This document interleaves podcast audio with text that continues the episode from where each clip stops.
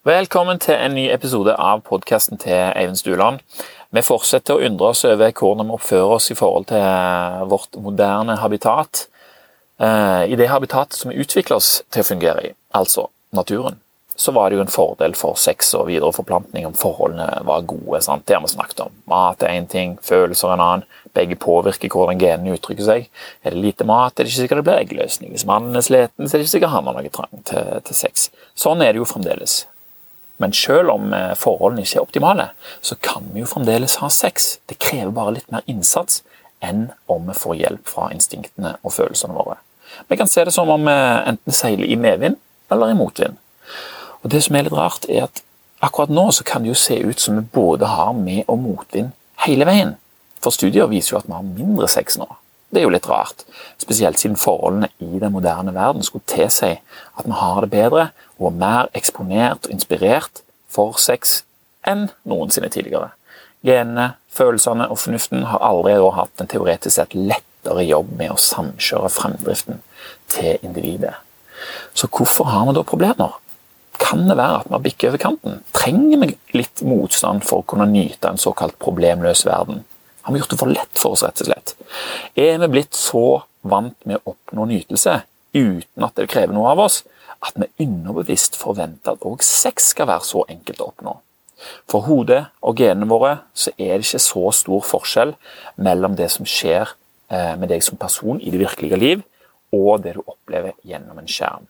Sex har for lengst infiltrert alle mulige kanaler som vi har tilgjengelig, Alt fra innslag i stuerein underholdning og nyheter til obskure realityshow og dedikerte internettsider. Vi ser det stadig rundt oss, vi opplever at det er helt vanlig, men hvorfor er det ikke da vanlig for meg? Er det sånn vi begynner å tenke? Har jeg mindre av noe som andre ser ut til å ha mye av? Sant? Hva fører det til at vi begynner å tenke? Vi er jo ikke vant med å kjempe og streve for å dekke våre grunnleggende behov lenger. Sant? Vi er vant med å gå på jobb, og så betaler vi for det vi trenger. Og Til og med det syns vi er strevsomt til tider. Alt er jo relativt her. Om vi syns noe er kjedelig eller ubehagelig, så er vi vant med å kunne forflytte oppmerksomheten vår til noe annet enn det som er rundt oss. Og når vi gjør det, så trenger vi heller ikke forholde oss til det som er realiteten vår. Den tiden tilbringer vi på en måte som om vi er de som vi ser på. Er du med på den?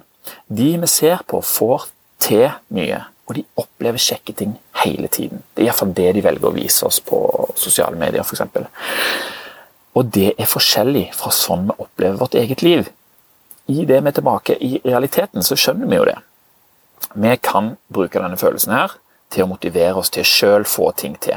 Men det krever innsats. Vi er ikke så gode til å gi innsats i noe som er uklart hva resultatet vi skal få. Sant? Det er mindre krevende å havne i kjente spor som om at noe er urettferdig, og at det, det er noen andre sin feil. At ting er som de er, at andre har ting som du ikke har. sant?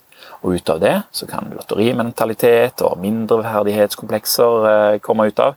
Og det tar deg jo ikke nærmere det du ønsker for deg. Hvorfor skjer ikke disse tingene med meg? Hvorfor har ikke jeg det sånn? Jeg er misfornøyd både med livet og det som finnes der. Sant?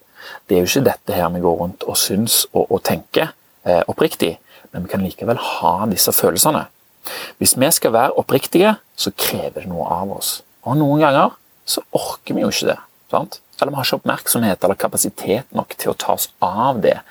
Eh, eh, det som vi sliter med. Og da får vi det som skjer av seg sjøl. Når sex og andre fantastiske ting ikke skjer av seg sjøl, så kan vi bli skuffa, sjøl om vi i realiteten ikke har gjort noe for å fortjene å ha det annerledes. Vi kan komme oss ut av det, men det er mer krevende enn å pleie sårheten vår via teknologi som tar oppmerksomheten vår bort fra det vi sliter med. Er du med på den? Uh, og dette kan være en effekt av at vi har litt for mye av det gode. Sant? Vi er ikke gode på å begrense oss. Det krever, krever bevisste tanker og handlinger. Og Det er lettere å gi etter for det vi vil, enn å holde tilbake for det, for så å kunne investere overskuddet i noe som vi trenger seinere. Før vi vet ordet av det, så har vi gjort så mye av det vi har lyst til, at det ikke er mer igjen til å gjøre det som vi trenger. Sant? Det er den onde sirkelen der. Og Det er ikke bare sex dette her går utover. I den klubben så er det jo flere medlemmer. Og noen av tingene som vi ikke har tid til, er jo òg hverandre, som igjen går utover sexlivet. Vi har kanskje lyst å ha mye sex, men vi klarer ikke helt å se for oss hva vi må gjøre for å legge til rette for dette. her. Klarer vi å se det for oss, så er det ikke sikkert vi gjør det likevel.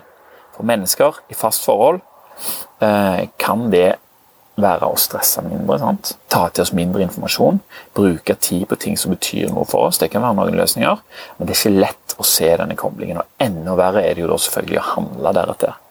Samtidig så er sex som underholdning overalt og blir bare mer og mer stuerent. Presset og oppfatningen av hva som er normalt, endrer seg i befolkningen basert på noen veldig få individer med enorm eksponering. En av våre beste egenskaper er faktisk at vi er i stand til å speile oppførselen til de som er rundt oss, og at vi er i stand til å kopiere teknikker og atferd som vi ser.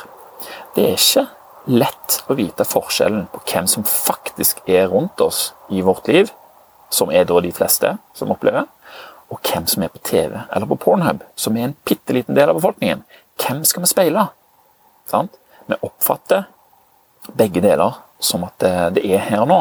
Og det er fornuften, system 2, som er den eneste som kan skille disse verdenene fra hverandre. Og hvis system 2 skal vekkes til live og faktisk avklare ting og tang basert på andre ting og tang, så krever det innsats til å ta bevisste handlinger eller eh, bestemmelser. Og for de som vokser opp i dag, er det veldig utfordrende. De ender ofte med, eh, opp med en, eh, kanskje en forskrudd oppfatning av hva som er normalt, siden oppmerksomheten deres hele tiden skifter. Samuel. De reagerer mer enn å reflektere. Og det hadde kanskje ikke vært noe Dette er jo ikke bare de som vokser opp i dag, det gjelder jo oss alle, egentlig. Det hadde kanskje ikke vært noe problem om vi ikke hadde med oss eh, genetisk bagasje fra både vår egen art som har bodd i skogen, og de artene som har utviklet oss ut ifra før det. Samuel. Uh, vi kan gjøre det ganske mye lettere for oss sjøl hvis vi tar med den bagasjen inn i ligningen eh, som eh, vi liksom bruker da, på å basere avgjørelsene våre på her og nå. Studier viser at det blir mindre sex og mer onanering hos unge. Og det kan være enklere for disse her, eh, og tryggere òg, å tilfredsstille sine egne behov enn å leve opp til denne her normen, som da er jo egentlig falsk. Og Dessuten er jo tilgang på hjelpemidler stor. Ungdommer i dag de trenger ikke manne seg opp for å dra på bruktbua for å kjøpe aktuell rapport, eller å vente på VHS-en som en kompis hadde fått tak i i Danmark. At den skulle gå rundt eh, runden i guttegjengen. Jeg, husker vi hadde noen disketter med liksom sånn fem-seks bilder på hver diskett, som vi liksom lånte av hverandre. da. Det høres jo helt sykt ut nå, men sånn var det. Vi hadde ikke internett, men nå er internett overalt, og på Amazon finner du over 10 000 varianter av vibratorer og penis hylser, som, som, vi kaller det. Så det er veldig lett eh, i dag. Når, eh, eh for 30 år siden for eksempel, så var jo ikke dette her mulig i det hele tatt. Uh, og gifte par og samboere ser ut til å ha mindre sex. Og Her er det flere som har kommet med råd til hva det går an å gjøre. Sant? Og En av tingene som går igjen, er jo da å avtale sex for så å gjøre det. Andre sier at vi prøver prøve å få lyst, eller bare setter i gang, så kommer det av seg sjøl. Det er ikke optimalt, men vi kan likevel dra nytte av å gjøre det på den måten. Men alt dette her er jo, eller disse her to eksemplene er jo det som jeg vil kalle for symptombehandling. Sant? Hvis vi har vondt i hodet, eh, så tar vi gjerne en tablett. Men hvorfor har vi vondt i hodet? Det er jo ikke fordi vi mangler tabletten. Sant? Vi har ikke tid eller lyst til å ha sex i utgangspunktet, så da avtaler vi å ha det istedenfor. Men vi tenker ikke så mye på hvorfor dette er et problem for oss. Sant? Vi har kanskje lyst i utgangspunktet, men det er lett å se en episode til på Netflix, sant? for det krever ingenting av oss. Plutselig vi sitter jo allerede der. sant? Neste episode ja. Ops, da ble det ikke tid likevel. Og dette her er litt som å Det er jo ikke det samme, eller litt som, men se på det som om når du snuser om morgenen, sant? da blir det plutselig ikke tid til den hyggelige familiefrokosten som du kanskje hadde sett for seg kvelden før. En kortsiktig belønning uten substans, det er jo det vi velger da, i forhold til en langsiktig belønning med substans, som krever litt av oss. Sove litt til og se en episode til. Ingen av delene tar deg videre i livet. Men en frokost med familien og, og styrke bånd til partneren din, derimot, det tar deg jo videre i livet. Det er med substans.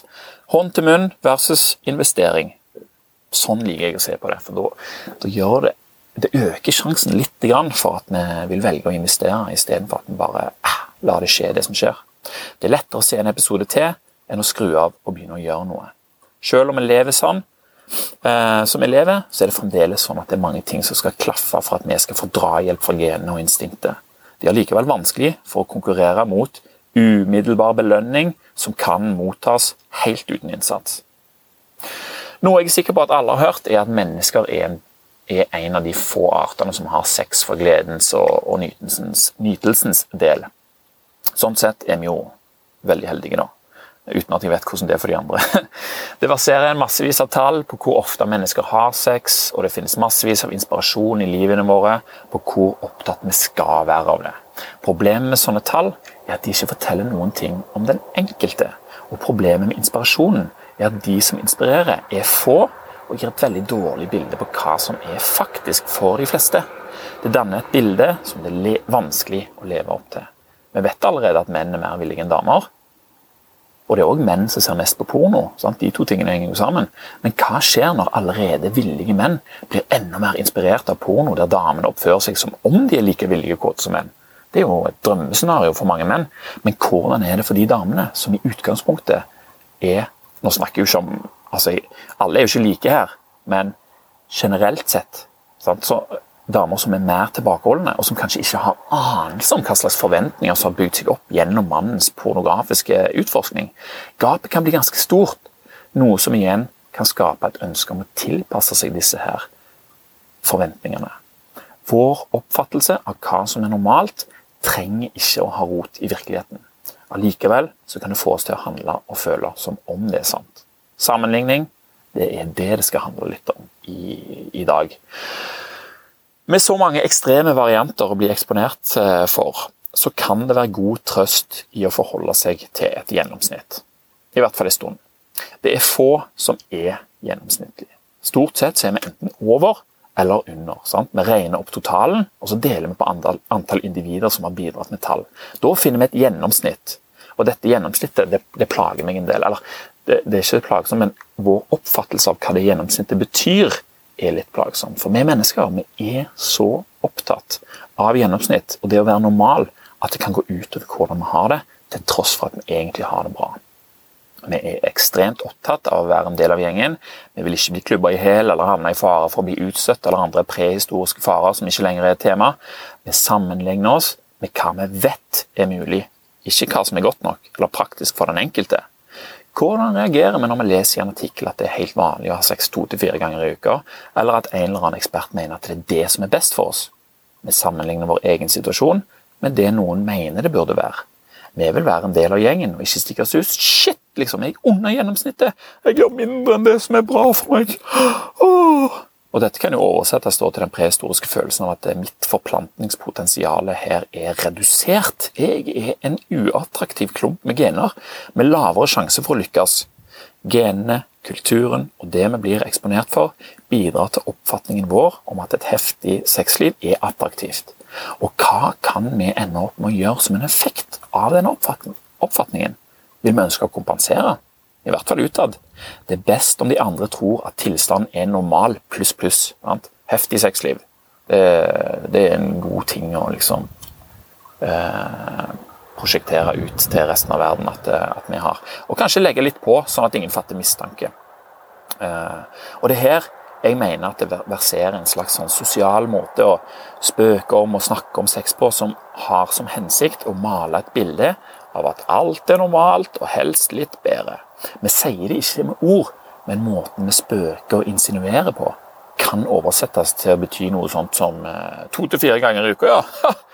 Men kun når vi har det travelt. Det er ganske heftig her i går, eh, ser du. Det var faktisk så vidt vi rakk å komme her i dag. Skål, alle sammen! Og så sitter de andre igjen der da, med en oppfatning av at wow, i den heimen der skjer det ting. Best å nikke anerkjennende, sånn at vi kan assosieres, assosieres, assosieres med de kommentarene. Sant? Vi vet nødvendigvis ikke uh, at vi, vi vet at vi ikke gjør sånn som de, kanskje, men vi kan ende opp med å gjøre det likevel. For vi glemmer at et gjennomsnitt betyr gjennomsnittlig, og at vi er villige til å si og gjøre ganske mye rart for å fremstå som vi er på den beste siden av det gjennomsnittet. Sant? Men gjennomsnittet det inneholder hva alle gjør, ikke at alle gjør det sånn. Sant?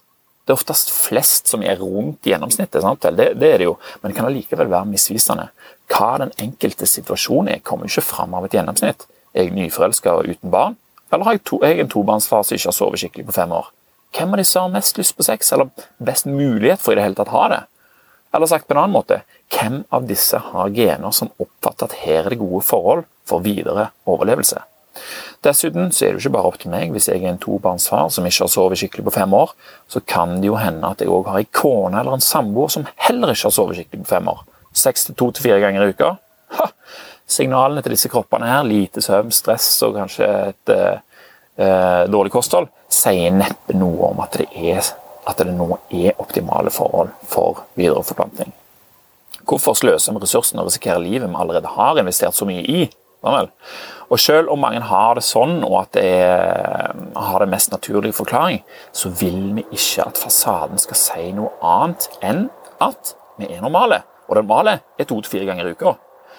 Og så skåler vi for det, vi òg. Skål! Det er ikke sikkert vi har det, men vi liker at andre skal tro at vi har det. Vi er fra naturens side opptatt av å forplante oss. Har vi mindre av noe, oversetter vi det til at vi har mindre sjanse for å forplante oss. Vi får et behov for at de rundt oss ikke skal fatte mistanke. Vi kan se på det som en effekt av et samarbeid mellom genene i cellene våre og kulturen vi befinner oss i. Sant? Hjernen vår den utvikler seg ikke ene og alene på bakgrunn av genene. Den utvikler seg og vokser og tilpasses i møte med de utfordringene som man møter på. Sammen. Og gener, Vi har latente gener som ligger i kroppen vår, men hvis de aldri blir trigga, så får vi heller aldri den funksjonen. Er du med? Kulturen spiller en enorm rolle i denne her utviklingen. her. Og hvordan vi handler, er en komplisert, sammenvevd prosess der gener, kultur, fornuft og en rekke andre faktorer spiller inn. Genene forandrer seg veldig lite. Kulturen beveger seg bare raskere og raskere. Og Det er jo ikke rart at vi sliter med å gjøre mening av alt det som skjer med oss. Og eh, slenger bare inn en, eh, nok en anbefaling her av eh, evolusjon, den boka av Markus Lindholm, som gjorde at jeg forsto mye bedre dette. i hvert fall. Avvik fra det som er normalt, kan òg gi oss følelsen av at vi ikke får noe som vi burde ha fått. Vi kan føle oss mindre verdt eller urettferdig stilt. Og Det er òg noe som vi kan oversette til å bety begrensa mulighet for forplantning i forhold til de vi sammenligner oss med. Sant? Det er helt relativt i forhold til hva vi vet eksisterer. Hvordan vi faktisk har det, spiller mindre betydning med mindre vi trener på dette, med mindre vi setter system 2 på saken. Vi får en trang til å rette opp i en, eh, en, forestilling om at vi får mindre enn noen andre, spesielt utad. Sånn fungerer hjernen vår, og sånn fungerer hjernen til mange andre òg. F.eks. cappuccino-apekatten. Og Et velkjent eksperiment er utført for å vise effekten av urettferdigheten som vi føler når andre får noe vi anser som er bedre enn det vi, får. Eller, Det viser ikke hvordan vi reagerer, det viser hvordan apekatten reagerer. Men jeg er sikker på at du kan kjenne igjen noe av denne oppførselen her i deg sjøl eller noen andre du vet om. To apekatter sitter i hvert sitt bur ved siden av hverandre. De har i oppgave å levere steiner til forskere, og dette får de belønning for. En agurkbit. Ok, Det er en grei avtale, det. Jeg forstår dette, her, og det er på et nivå som gjør at handelen kan finne sted igjen og igjen. og igjen. Alt går helt fint, helt til en dag når den første apekatten leverer steinen til forskeren og får en agurkbit og spiser den, spiser den med gledens lyst og er fornøyde. Men den andre apekatten i naboburet gjør akkurat samme arbeidet. Leverer en stein til forskeren, men han får betaling i form av i druer istedenfor en agurkbit. Cappuccino-apekatter foretrekker druer over agurk syv dager i uka. Og Når den andre apekatten får druer istedenfor agurk, eh, så går ikke det ubemerket hen hos naboen. Den første apekatten prøver seg igjen, gir fra seg en stein. Fremdeles får han en agurkbit i lønn. Og det han ikke særlig interessert i. Han kaster, han kaster agurken tilbake på forskeren og uttrykker misnøye. Den andre apekatten den får nok ei drue, og frustrasjonen til han med minimumslønn stiger til nye høyder. Han kjefter og smeller, banker neven i bordet og rister i buret. Og dette er jo veldig komisk å se på. Folk ler, vet du. Oi, se, å, så hissig han ble da, han fikk ikke drua. Men det er jo helt fram til vi skjønner at det er jo dette vi sjøl gjør når vi sammenligner oss med f.eks. naboer eller familiemedlemmer, kolleger og det som verre er, profiler på TV, film og sosiale medier. Det vi ser, er det vi vet eksisterer. sant? Agurk, hvis vi vet at det kun er agurk som eksisterer, så er det helt greit. Med en gang vi ser noen andre få ei drue, hvorfor har ikke jeg druer? Når vi vet at det at druer eksisterer, så vet vi òg at vi ikke har druer. Og vi må forholde oss til den følelsen som det gir oss. Det kan være skuffelse, sinne, fortvilelse, mindreverdighet eller hva som helst. Det er ikke sikkert du får noen følelse i det hele tatt, men det er jo fordi at du er flink til å bruke system 2. Dette her styrer ikke nødvendigvis livene våre, men vi er likevel nødt til å forholde oss til det. Vi vet at alltid vil være noen som er rikere enn oss, noen som har finere ting enn oss, og som har råd til å gjøre det vi ikke kan, og som har mer sex enn oss. Og Dette reagerer vi instinktivt på. Vi reagerer på det vi føler, akkurat som apekatten. Men vi er ikke helt som apekatten, for vi har fornuft på toppen av det. Vi kan tenke oss til at det ikke er så gale med agurk. Vi kan ikke styre alt som skjer med oss, men vi kan overstyre mange av de instinktive reaksjonene våre. Og til det så bruker vi som sagt pannelappene, neocortex, system 2, og håper på at vi skal få masse penger, eller ha et forhold som er en utømmelig kilde til motivasjon og utløp for seksuelle drifter, bare fordi vi vet at det eksisterer, er for mye og for langt. Allikevel er det lett å ende opp med å oppføre oss som om det er nettopp det vi forventer.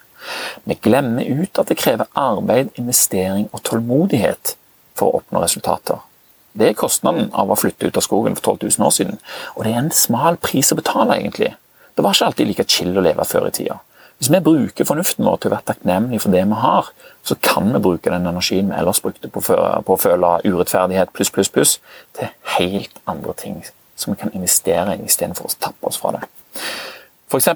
å oppnå det vi ønsker å oppnå. Sant? Vi kan investere den energien i en partner som vil gi deg et bedre forhold, eller et prosjekt som vil gi deg mer glede.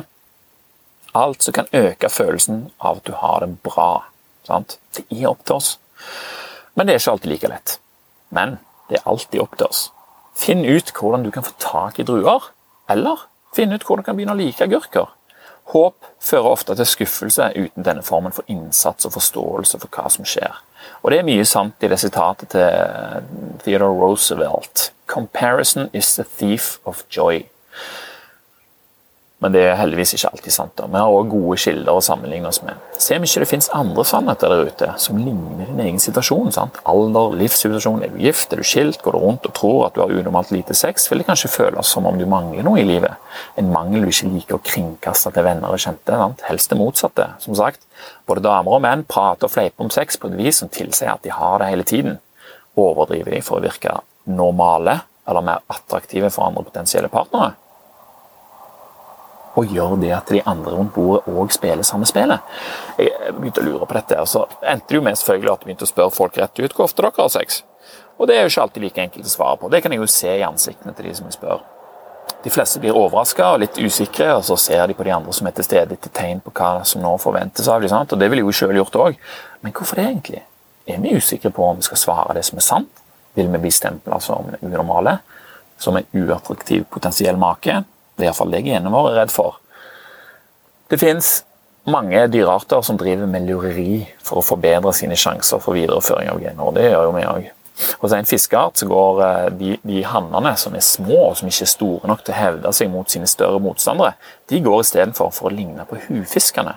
For så å kunne snike seg til og pst, pst, sprute litt melke på de der eggene uten at verken hunnfisken eller de bøllete store hannfiskene får det med seg en snikete og genial taktikk, og til tross for sin uheldige posisjon, så vil altså disse snikergenene leve videre og kunne snike seg til i kommende generasjoner, akkurat som man har gjort i den nåværende og de mange tusen generasjonene før det. For oss er det òg mulig å lure de rundt oss, eller å framstå som noe annet for å øke sjansen for å treffe, treffe en, en make. Både damer og menn gjør dette. her. Et kredittkort eller et lån i banken kan kjøpe oss flotte påfuglfjær som gjør oss mer attraktive. Sant? Bil, båt, klær, utstyr eller hva det nå skal være. Vi fremstår som mer enn vi er, og så får vi servert deretter. For å si det enkelt. Genene våre vil ha andre gode gener å blande seg med. Det er det som er mekanismen. Det er jo ikke alltid optimalt at vi får dette til, at de beste genene blandes sammen, men det er det vi strever mot, på en måte. Uten at vi strever mot det, men det er det som er mekanismen bak det. Et par som har vært gift i ti år, de vet jo sjøl hvor ofte de har sex, og de trenger jo virkelig ikke å lure noen. Allikevel så finnes tendensen til å gjøre det utad. Genene bestemmer, men bare i første omgang, for fornuften kan ta over hvis vi vet hva det er som skjer, hvis vi skjønner hvorfor vi driver på sånn. Og Flere ganger så har jeg sett et lettelsens, lett, lettelsens ansikt når jeg sier at vi har sex kanskje en gang i måneden. Så sier jeg åh, ja, det var godt å høre. I den kategorien hører jeg òg hjemme. Da var det plutselig greit å si det, sant? for da var hun relativ i forhold til meg. Hun som nettopp var usikker på hva hun skulle si, i frykt for å falle under snittet og bli sett på som mindre attraktiv emne, plutselig glad for å si det som det var. Hun hadde noen andre å støtte seg til som gjorde at hun ikke følte seg alene. Sånn hadde jeg sagt at ja, vi har sex fem ganger i uka, med, hadde da svaret hennes blitt det samme? Kanskje, eller kanskje ikke. Sosial relativitet kalles det her. Vi trenger ikke være best, men vi lurer gjerne de rundt oss til å tro eh, Nei, men vi lurer gjerne de rundt oss om vi tror vi er Hva er det jeg har skrevet her? Skal vi se Ja, hvis vi tror at vi er dårlige, så vil vi prøve å dra opp snittet vårt litt, sånn at de som er rundt oss, oppfatter oss som bedre enn det vi er. Og det er slitsomt. Det har sin pris å lure hele veien. Hvordan du velger å tolke din situasjon, kan gi deg vidt forskjellig livskvalitet. Du kan gå rundt og tro at du har for lite sex og føler deg misfornøyd og usikker. Hvor er lysten hen? Jeg vil være normal. Ifølge en sexolog i VG så er jeg ikke det, ser du. Går du rundt og er glad for den heftige omgangen du hadde med mannen din eller kona di sist helg, når dere hadde en sjelden helg alene, så er vel egentlig alt i sin skjønneste orden. Personlig så foretrekker jeg the long game. sant? Det er jo best med lange, heftige omganger der tid og rom plutselig ikke spiller noen rolle. Det kan vi ikke gjøre to til fire ganger i uka. Ikke vil jeg gjøre det heller, for da mister jo sin effekt. Pust. Det, det, tar ganske lang tid. Og en gang iblant er godt nok for meg i mitt liv akkurat nå. Før vi fikk barn, var det noe helt annet. sant? Jeg kan ikke sammenligne min nåværende situasjon med hvordan det var før vi fikk barn, når vi var to stykker som var helt alene. Sant? Livet er noe helt annet nå. Kvaliteten er høy når det skjer, og det skjer nesten uten unntak når vi er i situasjoner der vi har mer tid og mer energi til både å gi og ta imot oppmerksomhet. Det er ikke alltid vi har det i det daglige, og det er helt greit så lenge vi vet det. Mange par syns det er vanskelig å begynne å ha sex igjen etter, etter fødsel. Det er, det er, en av de tingene som, som, kan stanse dette her i aller størst grad av, av, de tingene som skjer med oss. Sant? Og det er jo ikke rart. For mor så skjedde det nettopp noe brutalt i det gjeldende området. Sant? Og det trenger litt tid for å hente seg inn. Og den mest avgjørende faktoren for at kvinner skal gjenvinne sin seksualdrift etter fødsel, dette er ikke for egen erfaring, altså, men jeg har lest det, er psykologisk like mye som det fysiske. Dessuten så fortrenger en kraftig økning i, økning i oksytocin overfor barnet effekten av østrogen i lang tid etter fødselen. Og Det tar òg tid til å eh, roe seg ned. sant, og det ammetåka som vi snakket om sist gang. Det er en grunn til det. Hvorfor skulle ei kvinne ville ha et nytt barn som risikerer livet til både barnet det allerede har, og seg sjøl, sett fra genes perspektiv? Gi det tid, men vi er jo så å si alltid klare med. Ikke bare er vi klare, men i fantasien så lager vi òg forventninger. Forventninger som vi fyrer opp under og mentalt investerer i. Hvis de ikke blir til virkelighet, så kan vi rett og slett bli sure og gretne. Og det er nok mer enn ei kvinne som har latt sine egg fusjonere med en sædcelle på bakgrunn av en gretten mann. Det er enklere å gi han det han vil ha, enn å leve med han uten at han har fått det. Sant? Og Det kan jeg forstå. Det enkleste er enklest. Men disse gretne genene overlever da videre. Sånn. Og som vi, som vi hørte i siste episode, så koster det menn lite å produsere sædceller. Kvinner trenger mer. Så hvis du er en mann, da, vit om hva som skjer med kona di, og tilpass deg det litt. Ikke gå rundt og surne i et år eller to. Sant? Da kan det bli en vane, en del av personligheten din som det er ekstremt vanskelig å endre på. Finn noe annet å tenke på en periode. Vet du hvor mye det krever å hente seg inn igjen fra å være sur, eller? Og hva koster det ikke for de som er rundt deg? Dessuten har jeg hørt at en sur, gretten mann er lite attraktiv for det motsatte kjønn. Sant? Så det er jo en ond spiral, dette her. Ikke la det bli en del av personligheten din. Og er du ei dame, vit om at du ikke er interessert, men at mannen din fremdeles er like villig og fremdeles tenker like mye på sex. Til tross for at du ikke ofrer deg en eneste tanke. Kan det være en taktikk å lette litt på trykket innimellom? Det kan være. Eh, dette må vi jo styre bevisst. Og den beste måten å gjøre det på, er jo selvfølgelig å prate, sant? så vi slipper å anta hele veien. For da, da har vi jo ikke peiling Jeg kan ikke vite hva, hva noen andre tenker. Sant? Og de kan ikke vite hva jeg tenker. Og så begynner jeg å oppføre meg, og så, og så blir ikke det møtt med forventningene mine. Så blir jeg forvirra, og så blir jeg liksom ja, altså Dette her er komplisert. Uh, så å prate sammen og, og havne liksom på samme side, det er jo det som er lurest å gjøre. Men det er ikke alltid lett å snakke om disse tingene. Det er, jo, det er jo derfor det er så stort problem.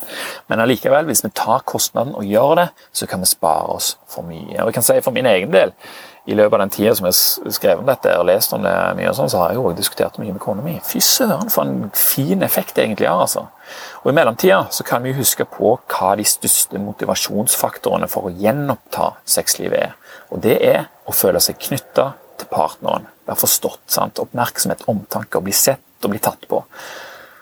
Eh, bare det å vite dette gjør det begge, gjør det enklere for begge parter å ta initiativ. Sant? Hent fram noen gamle kunster fra forelskelsens tid. Sant? Det kan føles litt kleint og, og, utenfor din nåværende personlighet, men hva er vel det i forhold til å gjøre partneren din full av gode hormoner? Sant? It takes two to tango, sier de jo. Sant? Det er greit nok, men det er jo bare én som trenger å by opp til dansen. Det holder at én tar ansvar, og hvis ikke partneren vil danse, så er det jo en grunn til det. Vent til det passer bedre Gjør deg mer dansbar. Prøv en annen dans. Ja vel. To til fire ganger i uka. Det var jo bare et tall som jeg dro opp for at det kom ut for ingenting. Det er ikke sant, det der. Hvordan fikk det tallet deg til å føle deg? Ønsker du å kompensere, eller ble du letta av å være innafor? Et kjapt søk på Google kan fortelle oss at rett under halvparten av gifte par har sex noen ganger i måneden til én gang per uke. Og Det er mye mindre enn to til fire ganger i uka. det.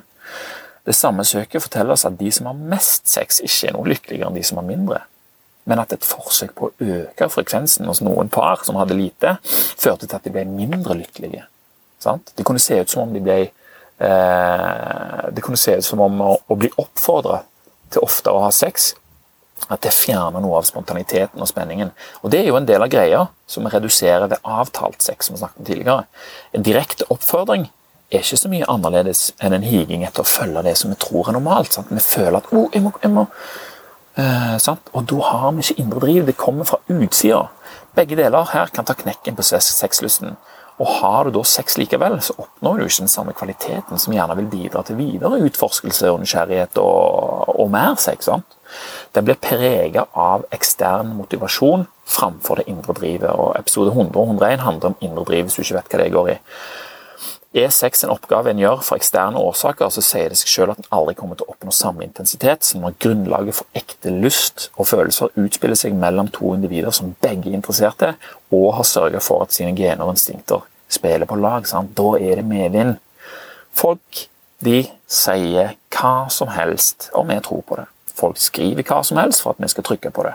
Porno og sex er overalt, og det meste er normalt. i gåstein. Stakkars de som ikke har stesøsken å ha sex med, f.eks. Det, det er jo det du finner når du går på, på Pornhub Stepsister. Det er liksom det det går i.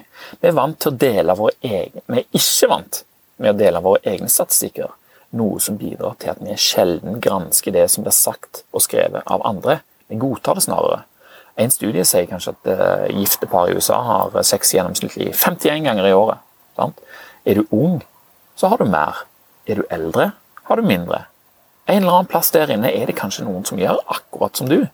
Uansett, tallene de går ned i gjennomsnitt. Enten du er singel, enten du er ung, gammel, gift, skilt, whatever. Vi har flere ting som kriger om tiden og kapasiteten vår nå. Tidene forandrer seg, og det krever at vi må tilpasse oss. Hvis vi ønsker å ha de resultatene som vi higer etter, selvfølgelig. Vi må ta ansvar som vi ikke har måttet ta tidligere. Det er ingen som kommer inn døra di hjemme og lager et vanntett opplegg til deg eh, og din kjære som garanterer et gjennomsnittlig sexmønster. Altså, det må vi ordne med sjøl. Eh, å se sex som en transaksjon er ikke særlig bærekraftig. Hvis jeg gjør dette, mener jeg at jeg fortjener sex. Det er i rom for skuffelse og bitterhet som fjerner deg fra målet. Så snakk heller om det. Spør. kan pule hvis jeg støvsuger. Å tenke at en skal gjøre livet til sin partner så fornøyelig å leve at han eller hun får overskudd til å se verdien i det og hva du gjør, derimot, det er jo et lengre prosjekt, men med mye mer substans og indre driv enn en ekstern premie i bytte mot å, å støvsuge gangen eller henge opp en klesvask. Vil du ha mer sex? Slutt å investere tid og energi på å sammenligne deg med andre personer, tall og statistikker. Ikke la deg distrahere. Det er jo den personen du vil ha sex med, du bør fokusere på å investere i. Sant? Vi er fremdeles ikke ferdig med dette. her. I neste episode så handler det mer om hva som bidrar til at vi har mindre sex, mer sånn spesifikt. Og I denne sammenheng, som så mange andre, hvis vi kan forstå, forstå hva som skjer, og hvorfor, er det mye enklere å ta noen grep for å endre situasjonen, istedenfor å bare godta tingenes tilstand uten at vi vet hvorfor det er sånn. Sant? Og det var det for i dag. Takk for meg. Takk til deg som hørte på. Vi snakkes neste gang.